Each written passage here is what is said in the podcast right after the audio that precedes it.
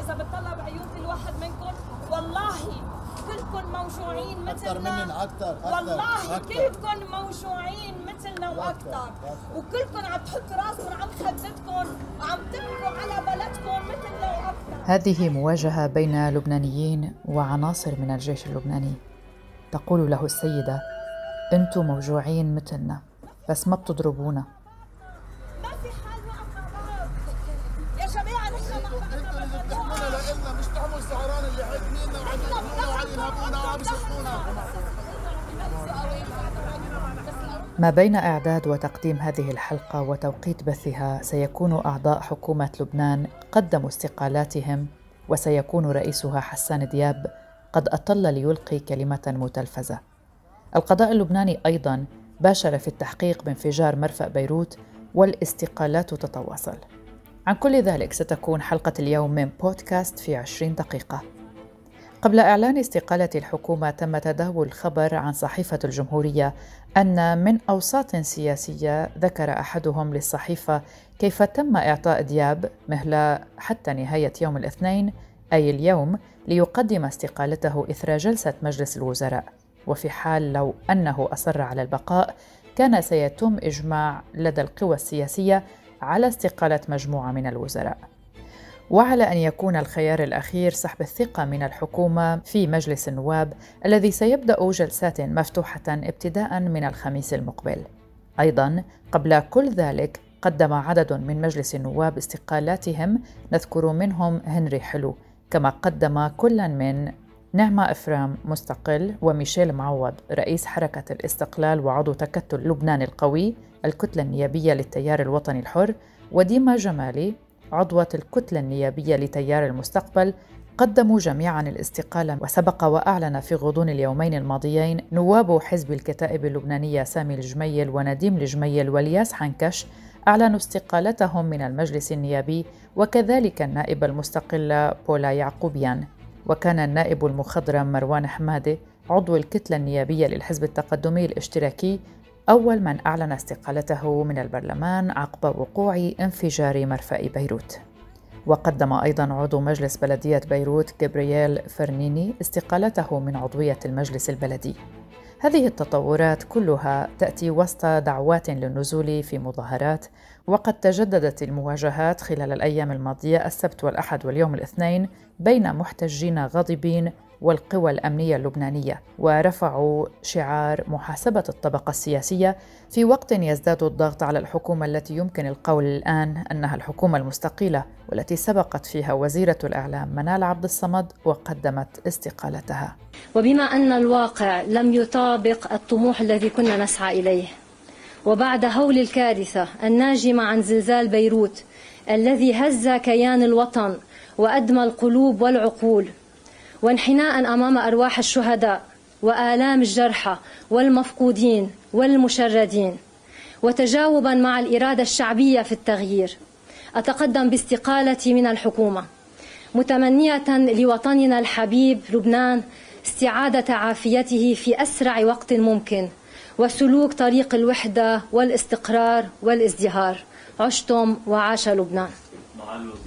ما فيني احكي بترجيكم بترجي نعم تبلغ. نعم أيضا وزير البيئة دميانوس قطار شكرا. الذي قال في بيان أمام هول الفاجعة ومع انسداد أفق الحلول على وقع التجاذبات العبثية وفي ظل آليات نظام عقيم ومترهل أضاع العديد من الفرص. قررت أن أتقدم باستقالتي من الحكومة. تفيد تقارير بتوجه عدد من الوزراء للقيام بالخطوة ذاتها وقد يكون بعضهم يقدمون استقالاتهم ونحن نقدم هذه الحلقة. أيضا دعا البطريرك الماروني بشار الراعي يوم الأحد دعا الحكومة التي قال إنها باتت عاجزة عن النهوض بالبلاد دعاها إلى الاستقالة. وأعلن رئيس مجلس النواب نبيه بري عن جلسات مفتوحة للمجلس النيابي ابتداء من الخميس المقبل لمناقشة الحكومة عن الجريمة المتمادية التي لحقت بالعاصمة والشعب وتم تجاهلها. إيران برا برا بيروت حرة حرة إيران برا برا بيروت حرة حرة إيران برا برا بيروت حرة حرة إيران برا برا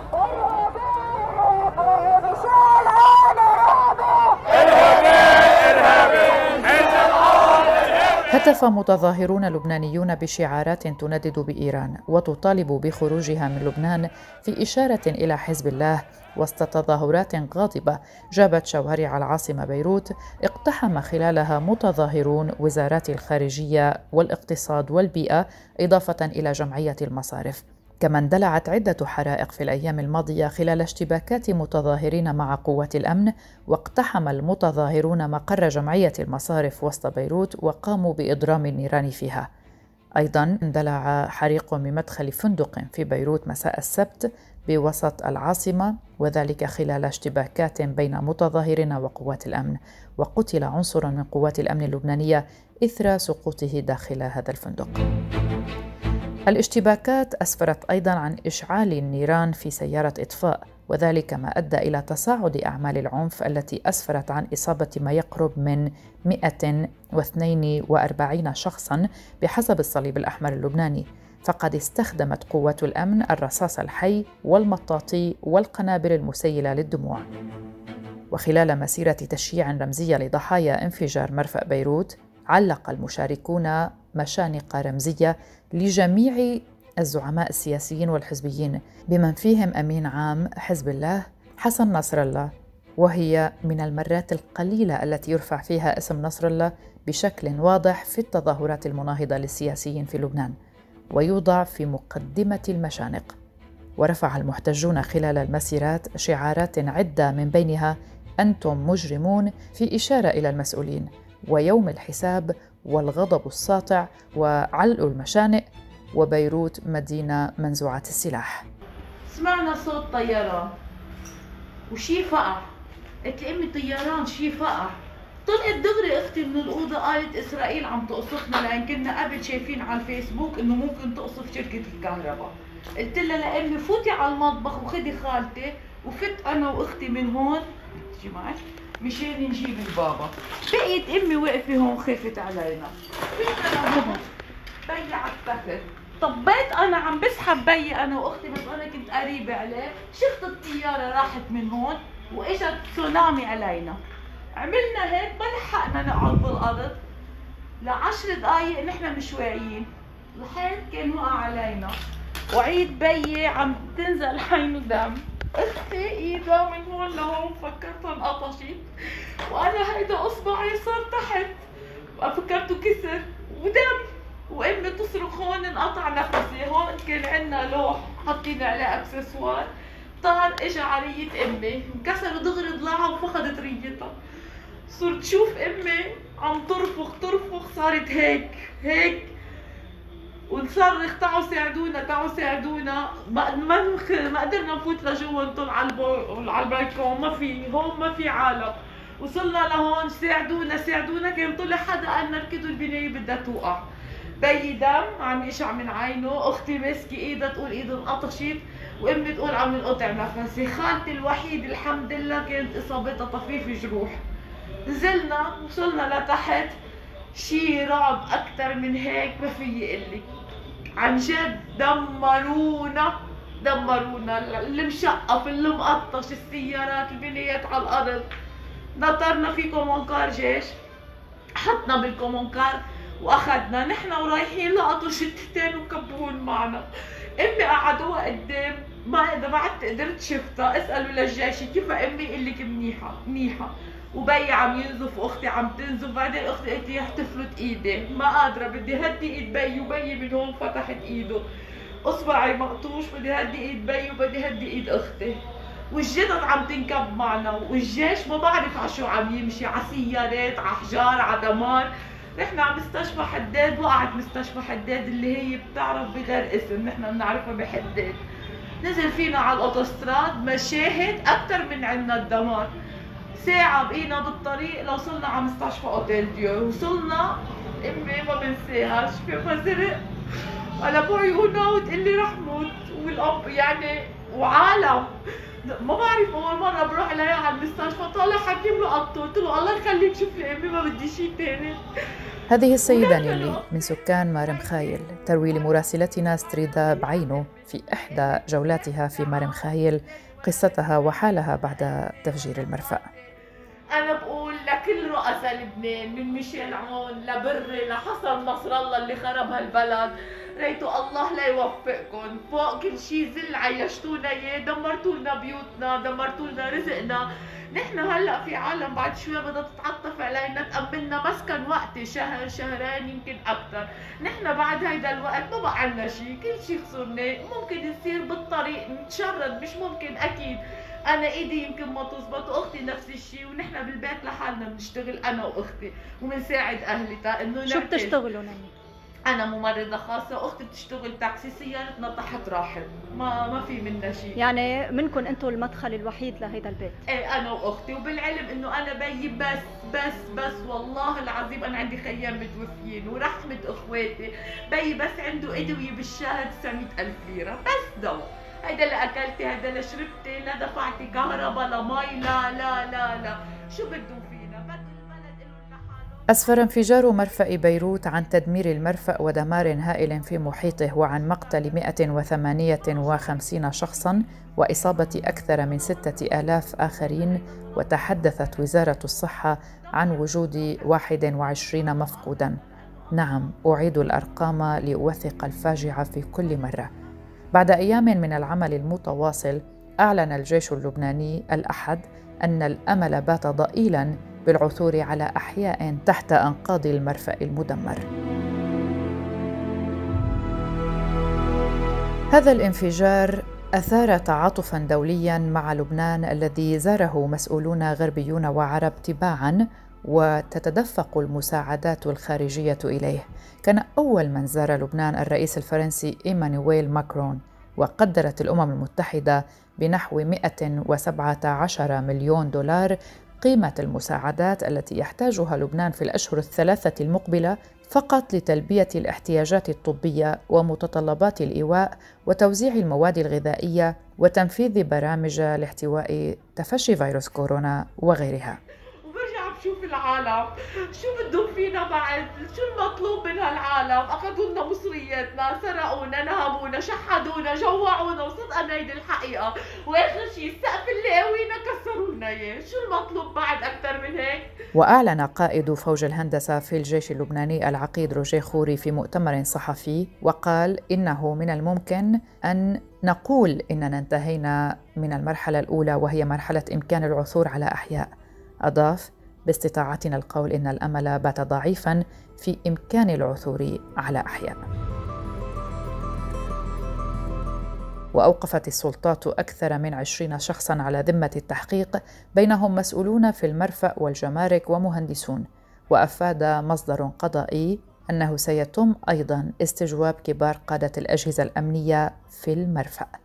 ومن الرئيس الأمريكي دونالد ترامب مرورا برئيسي وزراء إيطاليا وإسبانيا شارك 15 رئيس دولة وحكومة في مؤتمر نظمته فرنسا. وهذا المؤتمر نظم عبر الفيديو بهدف مساعدة لبنان.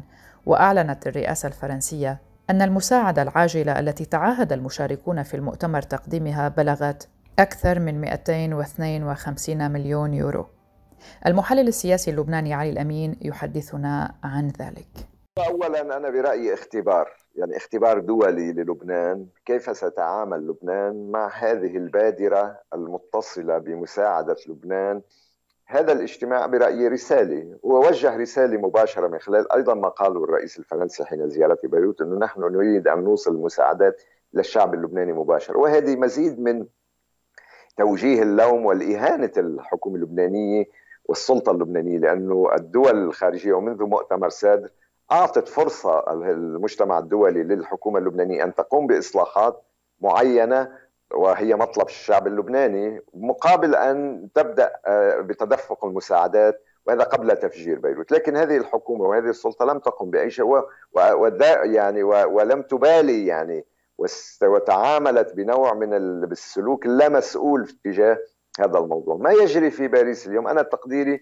محاولة جديدة لتوجيه رسالة آه، من المجتمع الدولي أو من المؤتمر الذي ستعقده فرنسا والذي يعكس مناخ الدولي تجاه لبنان.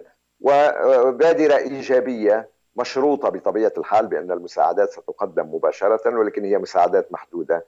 كيف ستتعامل الدولة اللبنانية مع هذا الأمر؟ بمعنى هل ستبدأ فعلا الحكومة اللبنانية لأنه آه، المطلوب الآن آه، خطوات نوعية. يعني إذا كان مطلوب منك كحكومة لبنانية في فترة سابقة 10% مثلا هيك افتراضيا اليوم مطلوب منك 50% لأنه أصبحت الكارثة أكبر. وبالتالي التحديات أصبحت تفرض خطوات نوعية لم يعد مقبول هذه الخطوات التجميلية. أنا أعتقد المؤتمر هدفه اختبار لبنان كيف سيتعامل لبنان مع هذه الأزمة التي يقع فيها أو التي وقع فيها؟ وكيف تتعامل هذه السلطة مع المطالب الداخلية ومع المطالب الإصلاحية التي يجب أن آه، آه، تنفذها بناء لتست يعني لتتلقى عونا ومساعدات؟ ومنها أيضا بالتأكيد التغيير السياسي وبعض الإجراءات الإصلاحية على المستوى السياسي بما يعيد تشكيل سلطة وحكومة آه، تمهد لتغيير ما على مستوى انتخابات وما إلى ذلك. في انتظار المبادرات والحلول السياسية سأختم حلقة اليوم بهذا الخبر. لبنانية تنجب مولودها الأول على ضوء الهاتف أثناء وقوع انفجار مرفأ بيروت.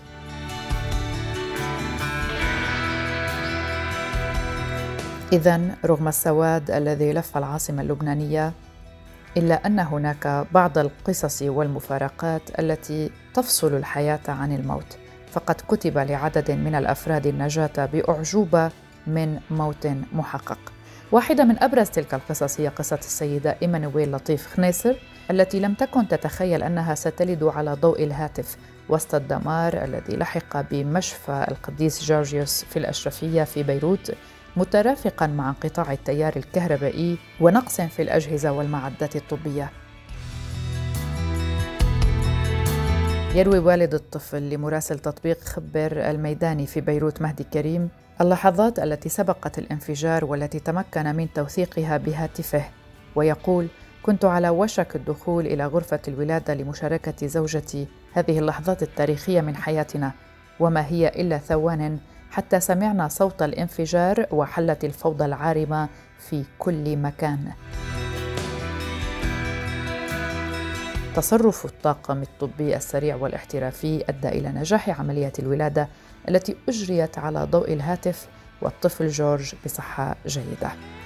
ساعات صعبة مرت على إيدي وإيمانويل إلا أن القدر كتب للطفل جورج أن ينجو في أصعب الظروف على أمل أن تحصل معجزة أكبر لبلد دمرت عاصمته ودمرت معها آمال الكثير من اللبنانيين.